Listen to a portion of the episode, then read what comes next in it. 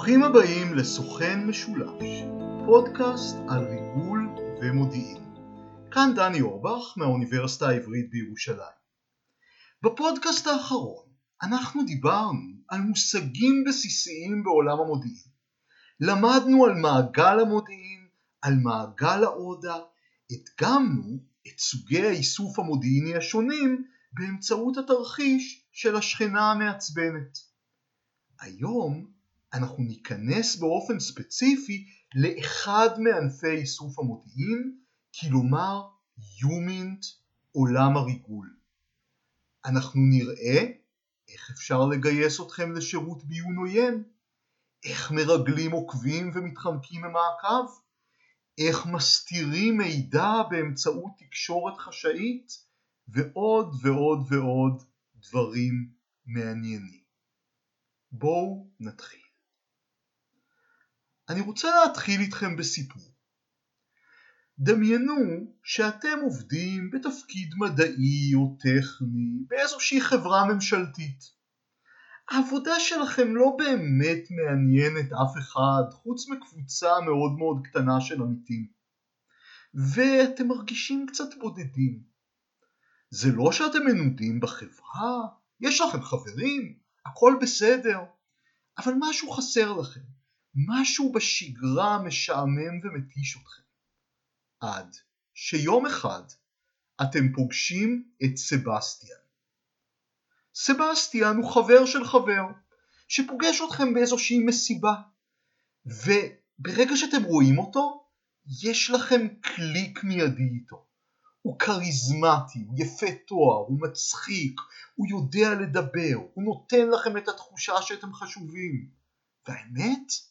שהוא גם מתעניין בעבודה שלכם, כמעט אף אחד אחר לא מתעניין בעבודה שלכם, והוא פותח איתכם בשיחה מרתקת, והוא אומר לכם, תשמעו, חסר לי קצת, הייתי רוצה לדבר איתכם עוד, בואו נקבע פגישה לארוחת צהריים, והוא נוקב שם של מסעדה שתמיד רציתם להיות בה, אבל היא איכשהו נראתה לכם יקרה מדי.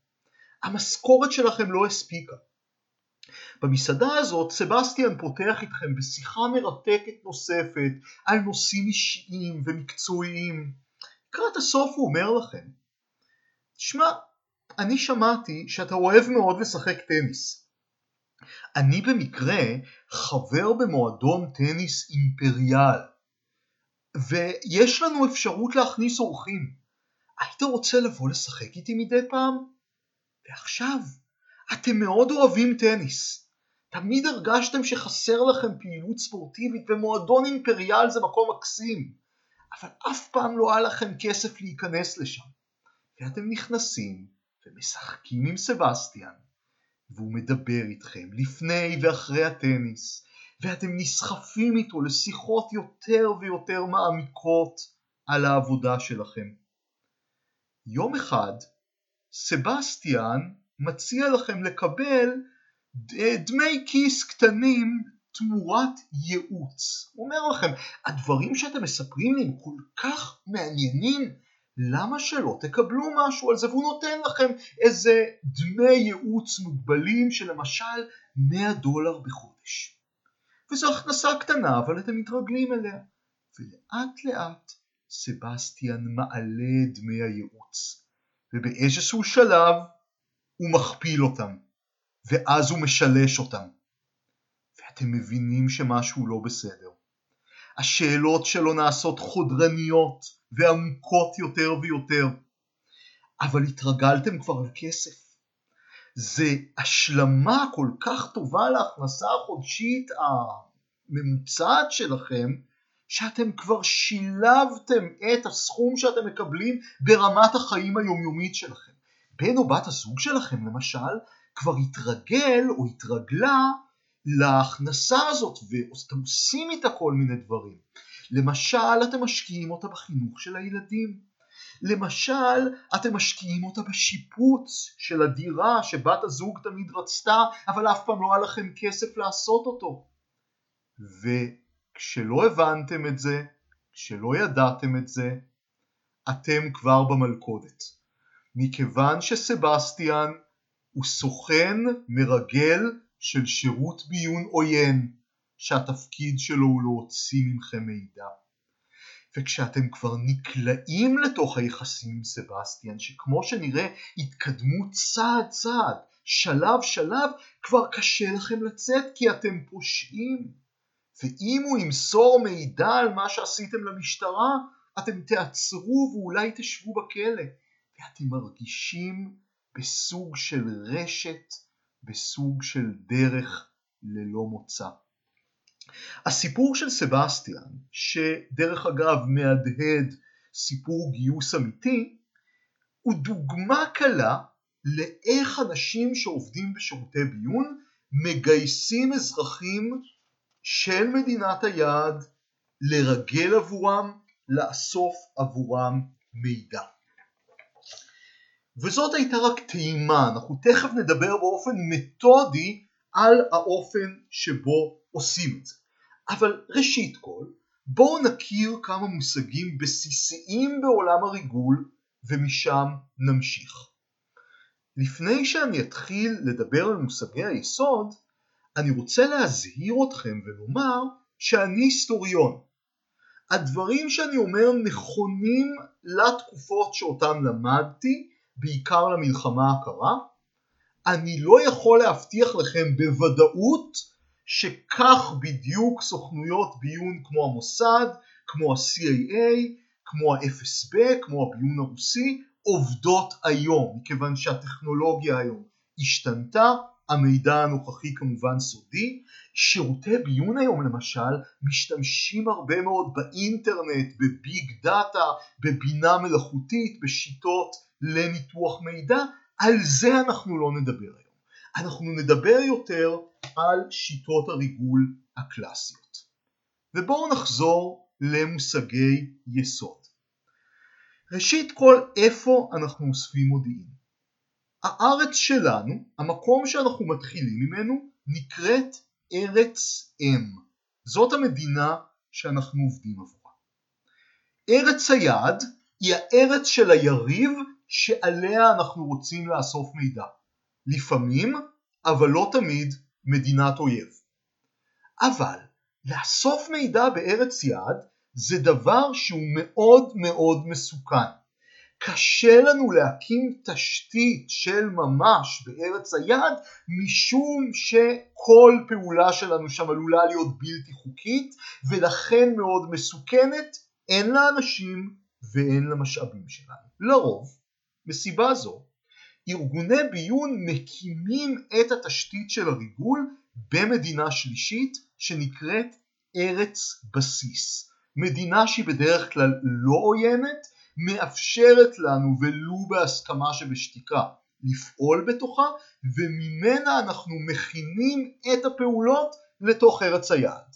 למשל כשישראל שולחת מרגל לסוריה, ישראל היא ארץ האם, סוריה היא ארץ היעד, ולמשל כמו במקרה של אלי כהן שנדבר עליו, ארגנטינה היא ארץ הבסיס. מי הם האנשים שאוספים את היונט, את המודיעין האנושי? וחשוב להבהיר את העניין הזה כי לרוב יש פה המון המון בלגן מושגי. המילה מרגל זאת מילה שאנחנו משתמשים בה המון בשיח הפופולרי, אבל לרוב זאת לא המילה המקצועית שארגוני ביון משתמשים בה. המילים שמשתמשים בהם יותר הם נגיד במוסד לוחם או קצין איסוף, אה, ב-CAA זה יכול להיות case officer והרבה מילים אחרות. המשמעות של כל המילים האלה שמקבילות למרגל בשימוש הפופולרי זה אדם שהוא עובד מדינה, כלומר הוא חבר בשירות הביון ומקבל משכורת קבועה מהמדינה שלו. לאחר מכן יש סוגים אחרים של אספני איומים, למשל סייען או משתף פעולה, הוא אדם בארץ היעד שמסייע לעבודת איסוף המודיעין. זה יכול להיות רופא שמטפל באנשים שלנו שנפגעים, זה יכול להיות מישהו שמחזיק דירת מסתור, זה יכול להיות נהג, זה יכול להיות בלדר או שליח, ואפשרויות רבות אחרות. מה זה סוכן? ופה מאוד מאוד חשוב להבהיר את ההבדל בין סוכן לבין מרגל. סוכן הוא אדם, לרוב בארץ היעד, שהמרגל מגייס, כדי שימסור לו מידע. ברוב המקרים הסוכן הוא לא עובד של שירות הביון, אלא אדם שמגויס על ידי שירות הביון כדי שייתן לו יומית. סוכן יכול להיות סוכן אמיתי, אבל הוא יכול להיות גם סוכן כפול. עכשיו אני אומר את זה ממש בקצרה, כי בפרק הבא אנחנו נדבר על סוכנים כפולים לעומק. אבל סוכן כפול בקליפת אגוז זה אדם שגויס על ידי שירות ביון א', אבל למעשה עובד בסתר עבור שירות ביון ב', הרבה פעמים שירות הביון של המדינה שלו.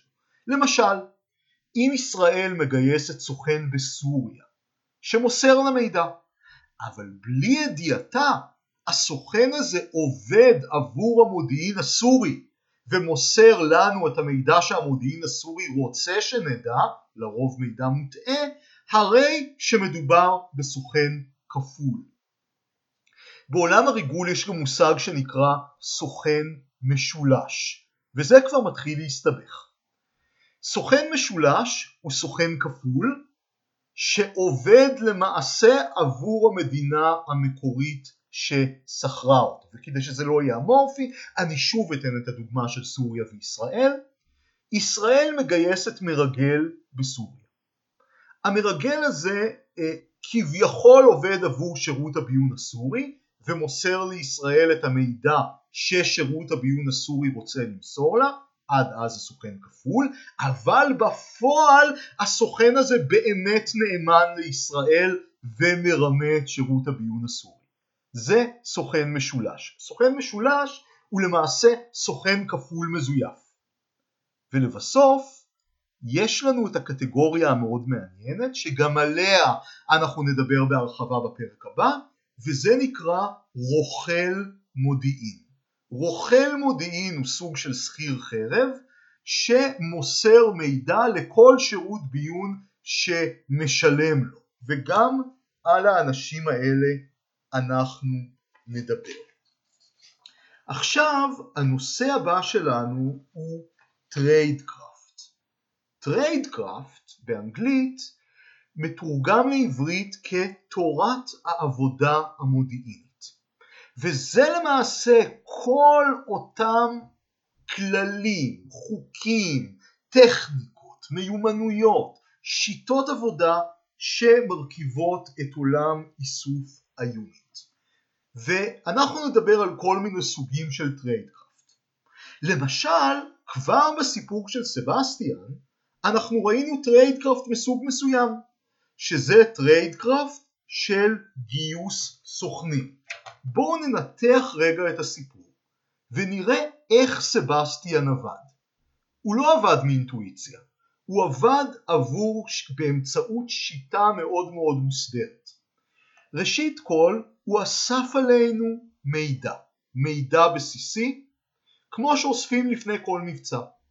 זה שהוא הציע לנו לאכול במסעדה מסוימת שתמיד רצינו לאכול בה אבל אין לנו כסף זה לא סתם, הוא בירר עלינו, אסף עלינו מידע וידע שזאת נקודת התורפה שלנו. אחרי שאני אוסף מידע על היעד, אני אמור ראשית כל לזהות את נקודת התורפה שלו. כמעט לכל אדם יש נקודת תורפה שמאפשרת לגייס אותו. כמה דוגמאות. חובות כספיים. אם אני חייב הרבה מאוד כסף, אה, למשל חובות הימורים, אז מאוד מאוד קל לגייס אותי תמורת כסף. חמדנות. דבר נורא נורא נפוץ, חיפוש ריגושים והרפתקנות. הרבה מאוד אנשים, הרבה יותר אנשים מאשר אתם חושבים, מרגישים שהחיים שלהם מתסכלים ולא מספקים, בעיקר כי השגרה מענה אותם, השגרה חונקת אותם. אנשים כאלה הרבה פעמים רוצים איזה משהו מסעיר, איזושהי הרפתקה. מחקרים בפסיכולוגיה חברתית מראים שזאת למשל אחת הסיבות העיקריות שאנשים בוגדים בבני זוג, כדי להכניס ריגוש וסכנה לחיים שלהם. אז כמו שאנשים בוגדים בבני זוג, הם גם יכולים במקרים מסוימים לבגוד במדינה שלהם כדי להיכנס להרפתקה מעניינת. תחושה של חשיבות עצמית שהמפעיל סוכנים יודע ללבות אותה. אתה חשוב, אתה מרמה את הממשלה שלך, אתה חכם, והוא יודע כמובן איך לנפח את האגו שלך. רצון לנקמה, לא קידמו אותך, הפלו אותך. כשנדבר מאוחר יותר על מבצע יהלום, נראה איך ישראל גייסה טייס עיראקי שהרגיש מאוד מאוד מופלה מבחינה עדתית בחיל האוויר העיראקי, נקמה זה דבר חזק מאוד. יש לנו גם אידיאולוגיה שקשורה למדינת הבסיס. למשל, ברית המועצות הצליחה לפתח מערך ריגול כל כך מוצלח ומתקדם במערב כי היו הרבה מאוד קומוניסטים אידיאליסטים שהיו מוכנים לרגל עבורה. אבל עם כל היתרון האדיר שזה נתן לברית המועצות, למשל בהצלחה הסובייטית לגלות את סודות האטום של ארצות הברית בסוף שנות ה-40, יש בריגול אידיאולוגי גם בעייתיות. שירותי ביון אוהבים לשלוט בסוכנים שלהם. אם הסוכן יותר מדי אידיאליסט, עובד בשביל אידיאולוגיה, הוא יכול להיות בלתי ניתן לשליטה. לכן הקג"ב התעקש לשלם לקומוניסטים שהוא הפעיל, אפילו אם הם רצו לעבוד בהתנדבות, כדי לשלוט בהם. ובסופו של דבר, בנוסף, ואנחנו תכף נראה את זה שנדבר על מלכודות דבש, יש את הנושא של סחיטה. אם המפעיל מגלה עליך משהו שאתה לא רוצה שהציבור ידע, למשל אתה מנהל רומן, למשל הומוסקסואלים במדינות שבהן הומוסקסואליות אסורות, הוא יכול לסחוט אותך עם זה וגם זאת דרך לגייס ולהפעיל סוכנים. חשוב לומר פה שללגליזציה של הומוסקסואליות הייתה משמעות כבירה בריגול של המלחמה הקרה מפני שהיא השמיטה חלק גדול מהבסיס של הקג"ב לגייס סוכנים. ברגע שהומוסקסואליות מותרת וגם יותר מקובלת חברתית, קשה להשתמש בה כמושא לסחיטה. הנושא הבא, המאוד מאוד חשוב ב tradecraft, הוא סיפורי כיסוי. אם אני מרגל שעובד ביעד מסוים, אני תמיד צריך להיות מסוגל להסביר לכל מי שמתחקר אותי מה בדיוק אני עושה שם. כמובן שאני לא יכול לומר שאני אוסף מידע עבור שירות ביון מפני שזה בלתי חוקי. ייתכן שסיפור הכיסוי שלי הוא סיפור כיסוי רשמי. למשל, אני דיפלומט. ידוע שהרבה מאוד דיפלומטים עוסקים בריגול. בשגרירויות הסובייטיות לפעמים היו יותר מרגלים מאשר דיפלומטים אמיתיים. בספר המדע הבדיוני הידוע בשורות טובות יש סצנה בלתי נשכחת על האופן שבו הברווזים בפארק סיינט ג'יימס כבר מזהים את הלחם שזורק להם כל מרגל, הנספח בשגרירות הבולגרית וכיוצא בזה. לכיסוי רשמי יש יתרון מאוד חשוב. כי יש לי חסינות משפטית, יש לאותו מרגל חסינות משפטית, אפשר מקסימום לגרש אותו מהמדינה. מצד שני, אחרי דיפלומטים גם עוקבים הרבה יותר, ולפיכך בכיסוי רשמי חופש הפעולה של המרגל הוא מוגבל. לכן יש כיסוי לא רשמי, מה שנקרא illegals, מרגלים שפועלים באופן לא חוקי. הכיסוי הזה יכול להיות למשל עיתונאי, יכול להיות איש עסקים, הוא יכול להיות סוכן נוסע ודברים רבים אחרים. מאוד חשוב שכל הפרטים בסיפור הכיסוי יהיו הדוקים, שהתאריכים יתאימו, שלא יהיו פרטים שסותרים זה את זה, בפרקים הבאים אנחנו ניכנס לזה לעומק. למשל, אם אני אומר שאני עיתונאי שעבד בבגדד בשנות ה-80 ואני נמצא באיזושהי חקירה או אפילו שיחה ואז שואלים אותי באיזה מלון אתה התאכסנת בבגדד ב-1983 ואני אומר, אה, בהילטון במרכז העיר, כי אני מנחש שבוודאי יש הילטון בבגדד. ואז בן שיחי אומר לי, סליחה, אבל סגרו את ההילטון בבגדד ב-1981? חייך אכלת אותה. ברגע הזה אתה נתפסת. סיפור הכיסוי, כל פרט בו חייב להתאים. אם אני סוכן נוסע של רהיטים, אני אמור להבין ברהיטים. אם אני טבח, אני אמור לדעת להכין עוגה. ואם אני צלם למשל ותופסים אותי בלי מצלמה מקצועית רצינית, זה משהו מחשיד. עכשיו סיפורי כיסוי יכולים להיות גם קטנים יותר. הם יכולים להסביר מה אני עושה ברגע מסוים. קחו דוגמה והסיפור הוא סיפור אמיתי. אנשי CIA בארץ יעד רוצים לצלם מתקן ביטחוני. המתקן הזה נמצא במרכז העיר, אסור לצלם אותו, יש עליו שמירה. מה הם עושים? הם נוסעים במונית באזור של אותו מתקן, והרחוב הזה הוא רחוב מאוד פקוק, וגם באותה שעה יש בו פקק תנועה. מול המתקן יש מזרקה. הסוכנים, המרגלים, שסיפור הכיסוי שלהם כרגע הוא שהם תיירים, מבקשים מנהג המונית לעצור להם ליד המזרקה, יש פקק אז הוא יכול, והם עושים סלפי. כשבסלפי נלכד מאחורה גם המתקן הביטחוני. עכשיו, זה עדיין לא חוקי מה שהם עשו, זה לא תכסיס מושלם, אבל אם יתפסו אותם הם יוכלו להעמיד פנים באופן די משכנע שהם סתם תיירים טיפשים שלקחו סלפי במקום שעשו ומה פתאום הם בכלל לא יודעים שזה מתקן ביטחוני. אז זה בנוגע לסיפורי כיסוי. אני ממליץ לכולכם לנסוע, שיהיה אפשר לנסוע, לנסוע לוושינגטון למוזיאון המרגלים ויש שם תרגיל מרתק של בניית סיפורי כיסוי. כיסוי יכול להיות שטחי ויכול להיות עמוק. כיסוי שטחי מסביר למה אני נמצא במדינה לזמן קצר. סוגים קלאסיים של כיסוי שטחי, עיתונאי, איש אקדמיה שבא לכנס, או איש עסקים. לעומת זאת, יש גם כיסוי עמוק. כיסוי עמוק מסביר למה אני נמצא במדינה למשך זמן ארוך. למשל הכיסוי של אלי כהן היה אה, סורי שגדל בארגנטינה, איש עסקים, אבל לא איש עסקים שמגיע לסוריה לזמן קצר, אלא כזה שמתגעגע למולדתו ורוצה לשבת בסוריה ישיבה של קבע. אפשר לומר שחלק מהבעייתיות בסיפור של אלי כהן ואחת הסיבות שבגינם הוא נתפס בסופו של דבר שהכיסוי שלו היה למעשה שטחי ולא עמוק. למשל, בתור סורי שגדל בארגנטינה הוא היה אמור לדעת ספרדית יותר טוב.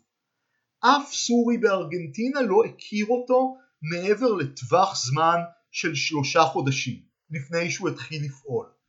כל הדברים האלה יכולים לעזור לכיסוי שטחי שמאפשר לי להיכנס ולצאת מהמדינה. אבל אם אני נמצא במדינה הרבה שנים, גדל הסיכוי שמישהו יבדוק את הרקע שלי ויעשה לי תחקיר ביטחוני. ולמרבה הצער, הסיפור של אלי כהן היה מתמוטט בכל תחקיר ביטחוני מעמיק. כלומר, נתנו לו כיסוי שהיה אמור להיות עמוק, אבל בפועל היה די שטחי. נושא נוסף שמעניין וחשוב לדבר עליו זה דרך מאוד מיוחדת לגיוס סוכנים באמצעות סחיטה שהיא נקראת מלכודת דבש. מלכודת דבש פירושה שמפתים את היעד בפיתוי מיני לרוב כדי או להכניס אותו למערכת יחסים שגורמת לו להיות חייב למפעיל או לפתות אותו להגיע לאיזה מקום שקט ולחטוף אותו או לסחוט אותו. עכשיו, אנחנו מכירים את הסיפור של מרדכי ואנונו, הפיתוי שלו באמצעות סינדי, זה דוגמה לפיתוי של חטיפה, ומלכודות דבש יכולות להיות כמו שאמרתי גם למטרת סחיטה. הבעיה היא שסחיטה תלויה בשאלה האם לגורם הנסחט אכפת ממה שתגלה. למשל אם אתה סוחט מישהו על רומן הומוסקסואלי, אם הומוסקסואליות חוקית ומקובלת במדינה הזאת, הסחיטה ככל הנראה לא תעבוד. מלכודת הדבש לא תעבוד. דוגמה מאוד מאוד מעניינת לזה, זה הסיפור של נשיא סוכרנו, נשיא אינדונזיה סוכרנו. סוכרנו היה אדם אה, מכור למין, אומרים שהוא לא היה יכול בשום יום בלי שלוש פעמים לפחות, וניסו לסחוט אותו על זה. גם הקג"ב, גם ה-CIA בשני מועדים נפרדים. הקג"ב אה, נתן לו מלכודת דבש די נפוצה באמצעות דיילת יפהפייה באירופלוט שלמעשה הייתה עובדת קג"ב וצילמו אותו. האמריקאים לא הצליחו לעשות את זה אז הם הפיקו סרט פורנו בכיכובו שעם שח... לא בכיכובו האמיתי עם שחקן שדומה לו. בשני המקרים סוכרנו אמר לאלו שסחטו אותו ואני אומר את זה במילים שלי אחים שלי תפיצו תפיצו מבחינתו זאת הייתה גאווה שהוא גבר גבר ומנהל רומנים ולא בושה. מלכודת דבש יכולה אה, להיעשות או להתנהל הן על ידי גברים הן על ידי נשים. מי שהתמחו במלכודות דבש של גברים מצודדים היו המזרח גרמנים, השטאזי, שירות הביון המזרח גרמני, קראו לזה רומאו, אלה היו לרוב גברים צעירים שפיתו מזכירות בגיל העמידה, שעבדו בכל מיני משרדי ממשלה חשובים במערב גרמניה ובאמצעות אותה מערכת יחסים סחטו מהם מידע. עכשיו אנחנו דיברנו עד עכשיו על גיוס סוכנים. מה קורה שהסוכנים באים אלינו? לפעמים קורה מצב שסוכן מגיע לשגרירות של המדינה שלנו ואומר שהוא רוצה לעבוד עבורנו. למשל ג'ונתן פולארד בשגרירות הישראלית, פריץ קולבה פקיד במשרד החוץ הגרמני שעבד עבור בעלות הברית. ושלל עריקים סובייטים שהגיעו לעבוד עבור ה-CAA למעשה עד אמצע שנות התשעים כמעט 100 אנשים כאלה. הדוגמה שמשהו שמה שעמד לי על קצה הלשון קודם ורציתי לומר ונשמט ממני היה כמובן אשרף מרואן החתן של נאסר שבהתנדבות הגיע לשגרירות הישראלית והתנדב לעבוד עבור ישראל. ולשירותי ביון יש בדרך כלל דילמה עם סוכנים מתנדבים כאלה, בעגה המקצועית קוראים להם walk-ins, כלומר אנשים שהולכים פנימה, לפעמים הם מביאים מידע שאין ארוך לו, אבל לרוב נוטים לחשוד בהם שהם אולי סוכנים כפולים שהגיעו להטעות אותנו. גייסנו סוכן, אנחנו כבר מחזיקים במקור שנותן לנו מידע על מדינת היעד. איך אנחנו שומרים על תקשורת איתו? ובעולם הריגול יש שלל אמצעים לתקשורת חשאית. אפשר להיפגש עם הסוכן בבית קפה או בר, אבל זה יכול להיות מאוד מסוכן אם עוקבים אחרינו. לכן לפעמים, במיוחד אם לא צריך פגישה יסודית, ארוכה, יש אמצעים אחרים יותר בטוחים להעברת מידע. למשל, פגישה חטופה, מה שנקרא באנגלית brush pass, היא עובדת כך, הסוכן והמפעיל הולכים בשני כיוונים מנוגדים, לרוב באותה מהירות, ומחליפים במהירות הבזק חפצים שיש בתוך המידע, למשל תיקים. דמיינו לכם שני אנשים רצים ג'וגינג בכיוונים מנוגדים ומחליפים תיקים שחורים שנראים בדיוק אותו דבר. דרך חשובה נוספת היא מה שנקרא משלשים. משלש, באנגלית dead drop, זה כל מקום שבו אתה יכול להשאיר מידע באופן בטוח כדי שמישהו יבוא אחר כך לקחת אותו. משלש יכול להיות פח זבל, משלש יכול להיות גזע עץ חלול, משלש יכול להיות אה, מקום אה, חלל מתחת לפנס רחוב. אה, היה מבצע מרתק של המודיעין המזרח גרמני שנקרא מבצע לילי מרלן. סוכן של המודיעין המזרח גרמני השתיל מידע בתוך משלש. לאחר מכן סוכן שני התקשר למשטרה במערב גרמניה ואמר להם סליחה ראיתי פעילות חשודה ליד המשלש הזה. סוכן שלישי הגיע לרוקן את המשלש, כמובן שלושת הסוכנים האלה לא ידעו על קיומו אחד של השני ונעצר על ידי המשטרה המערב גרמנית ובמשלש היה מידע מוטעה שגרם למערב גרמנים לעצור את אחד מהמרגלים הבכירים שלהם. כלומר הסובייטים השתמשו במשלשים לא כדי להעביר מידע עבור עצמם הסובייטים והמזרח גרמנים אלא כדי להטעות את המערב גרמנים. אפשר לשלוח מכתבים בדיו סתרים, דיו שגלוי רק אם מסתכלים על המכתב בדרכים מיוחדות, אפשר לשדר מידע. אלי כהן למשל שידר באמצעות מכשיר רדיו מוסתר, יש כל מיני דרכים להסתיר מכשירי רדיו בתוך מנורות, בתוך ספרים. הבעיה כשאתה משדר ברדיו, אפילו אם אתה משדר מוצפן, זה שאפשר לאכן את השידור שלך.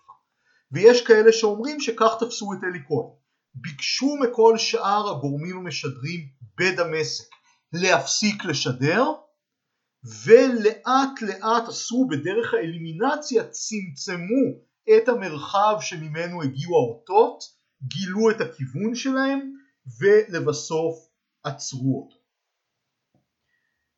כל התקשורת החשאית בעולם עלולה להיות חסרת ערך לחלוטין אם סוכנים של שירות הביון העוין עוקבים אחריך. מה עושים בכזה מקרה? לאמריקאים, ל-CAA, היו כל מיני שיטות להתחמקות ממעקב. השיטה הידועה ביותר נקראה Surveillance Detection. קודם כל לגלות שעוקבים אחריך ואז לנסות להתחמק. איך עושים את זה?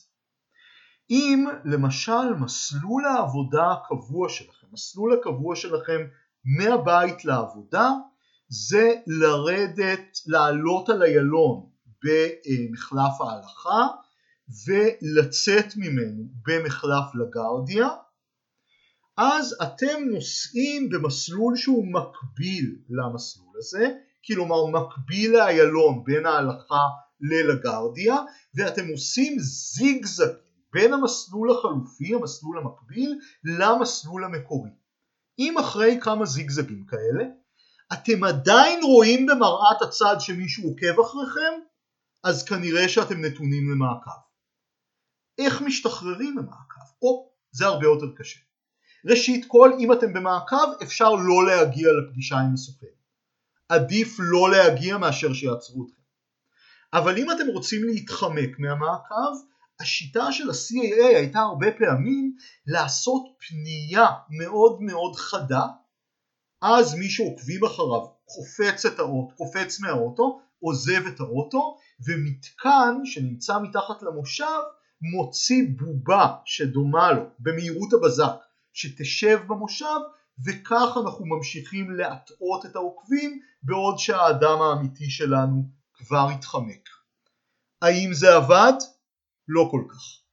בשנות ה-80 תחנת ה-CAA במוסקבה שנחשבה לאחת מהתחנות הטובות ביותר של הארגון ידעה שהאנשים שלה נתונים במעקב סובייטי תמידי.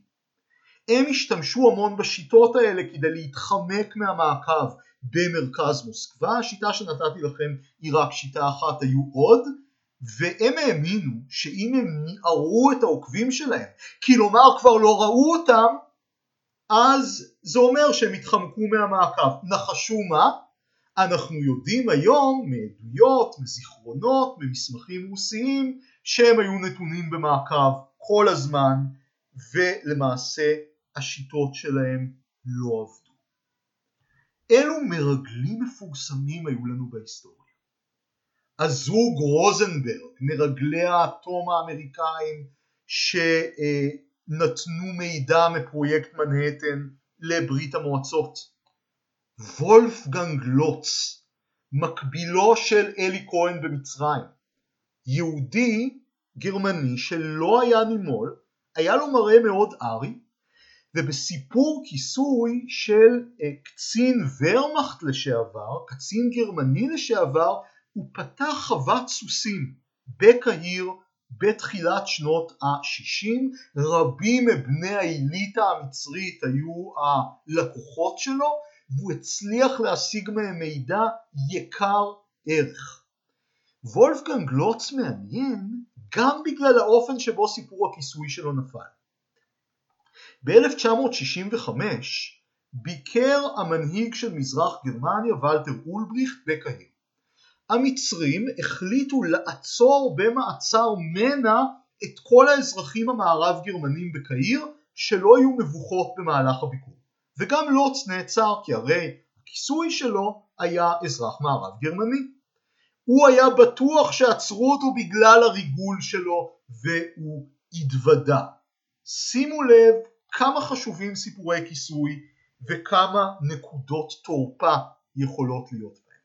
שימוש מאוד טוב בנקודת תורפה היה במבצע שנקרא מבצע יהלום שהמוסד הישראלי ערך ב-1966. באותה תקופה חיל האוויר שכבר תכנן את האופציה של מכה מקדימה נגד מצרים במלחמת ששת הימים רצה להבין איך המיגים המצרים עובדים. המיגים כמובן מתוצרת סובייטית. אני רוצה להוסיף שאף אחד לא ידע שתפרוץ מלחמה ב-1967 אבל התכוננו לזה. שלוחת המוסד בטהרן באמצעות מידע מודיעין בסיסי שהיא אספה על טייסים עיראקים גילתה טייס בשם מוניר רדפה שהיה מאוד מתוסכל, היה בטוח שהפלו אותו מסיבות עדתיות והצליחו לגייס אותו ולשכנע אותו לערוק עם המטוס שלו. שימו לב לחשיבות האדירה של נקודות תורפה. שילוב של ריגול אמיתי ומלכודת דבש אנחנו יכולים לראות בדמות של מרגלת דגולה אישה שנקראה קלר פיליפס. קלר פיליפס הייתה אישה אמריקאית שריגלה בפיליפינים שהיו כבושים בידי יפן. היא הייתה קצת שחומה באופן טבעי. בפיליפינים היא סיפרה שהיא חצי איטלקייה ואיטליה כמובן הייתה בעלת ברית של יפן באותה תקופה ובפיליפינים קלר פיליפס ניצלה את סיפור הכיסוי שלה כדי להפעיל מועדון מארחות שהרבה מאוד uh, קצינים בכירים, סלבריטי ויפנים חשובים אחרים שביקרו את הפיליפינים בילו בו. עכשיו בסיפור הכיסוי של פיליפס הייתה נקודת תורפה מאוד מאוד משמעותית, היא לא ידעה איטלקית ולכן אם מישהו היה מדבר איתה באיטלקית היא הייתה יכולה להיכנס לצרות מאוד מאוד מאוד גדולות. אבל זה עבד, זה עבד יחסית לאורך זמן, ובפיליפינים פיליפס הפעילה רשת ריגול שלא תיאמן, היא נהגה להסתיר מסמכים בתוך החזייה שלה, לכן הכינוי שלה היה כיסים גבוהים. עוד עבירה על ה tradecraft, דרך אגב, על תורת העבודה המודיעינית. בעיקרון, לפי ה tradecraft, שם הכיסוי שלך לא אמור להיות קשור בכלל למי שאתה או למה שאתה עושה כדי לא לתת לאויב הזדמנות לנחש אותו. הבריטים חטאו בזה גם המון, לא רק האמריקאים, למשל סוכן שלהם שאהב אורגיות בשלישייה זכה לכינוי תלת אופן. זה מאוד מצחיק אבל לפי ה tradecraft לא אמורים לעשות את זה. אבל בחזרה לפיליפס. קלר פיליפס עשתה כמה דברים. ראשית כל היא הבריחה תרופות, מזון, מידע לשבויי מלחמה אמריקאים במחנות בפיליפינים באמצעות בלדרים. שנית, היא פלירטטה עם קצינים יפנים, בעיקר אה, מפקדי צוללות או קצינים בכירים באוניות, ושאלה אותם מתי הם יוצאים לים. אוי, אתה עוזב מחר, אני נורא נורא אתגעגע אליך, מתי תחזור? ואז הוא אמר לה, או לאחת הנערות שלה שעבדו גם ברשת הריגול, אני נוסע לכיוון איי שלמה ואני אחזור רק עוד חודשיים. קלר פיליפס לקחה את כל המידע הזה, הצליבה אותו, וכך סייעה למודיעין של הצי האמריקאי למקם את הספינות והצוללות היפניות ולהטביע אותן. אותו יתרון במלחמה הימית היה מאוד חשוב למאמץ המלחמה האמריקאי במלחמת העולם השנייה. ולבסוף יש לנו את אלי כהן שנכנס לסוריה בשם הכיסוי קאמל אמין ת'אבת התחיל את הפעילות שלו בארגנטינה כדי ליצור כיסוי של איש עסקים סורי שגדל שם ורוצה לחזור למולדתו, מגיע לסוריה ב-1962, מתיידד עם אנשים רבים בצמרת הממשל ונותן לישראל מידע שערכו לא יסולא בפז, בעיקר בכל מה שקשור למלחמה על המים, קרב על המים, מקורות המים בין ישראל לסוריה. כהן נתפס ב-1965 וכבר הסברנו למה קודם, סיפור הכיסוי שלו היה מאוד מאוד בעייתי, לכן דרך אגב היה אסור לו למשל להתמנות לתפקידים בכירים, כי אם היו ממנים אותו לתפקיד בכיר היו גם עושים לו תחקיר ביטחוני, ואז ככל הנראה מגלים אותו. אבל אלי כהן נתפס בסופו של דבר כי הוא שידר יותר מדי.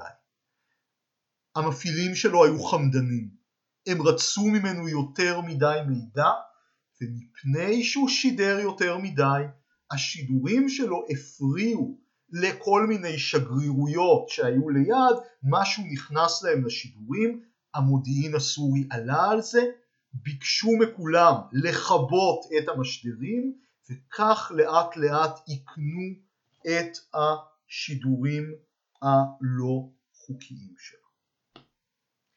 ולבסוף, כדי לחתום את הפרק הזה, אני רוצה לסייג את כל מה שאמרתי. כל הסיפור המדהים הזה על יומית ועל מרגלים ועל סוכנים ועל תקשורת חשאית ועל משלשים וכל היתר, כל זה הוא רק מקור מידע אחד מתוך מקורות מידע רבים. מבחינת נפח, סיגינט תמיד נותן לנו הרבה יותר מידע מאשר יומינט, והמידע שמגיע ביומינט הרבה פעמים נחשב לא אמין. הרבה פעמים הוא מקוטע, אקראי, נתון למניפולציות, נתון לטעויות אנוש, וגם הרבה מאוד סוכנים הם אנשים מפוקפקים, הם יכולים להמציא סיפורים רק כדי לקבל כסף, וחלילה גם לעבוד עבור שירות הביון שלהם ולהטעות אותנו כסוכנים כפולים.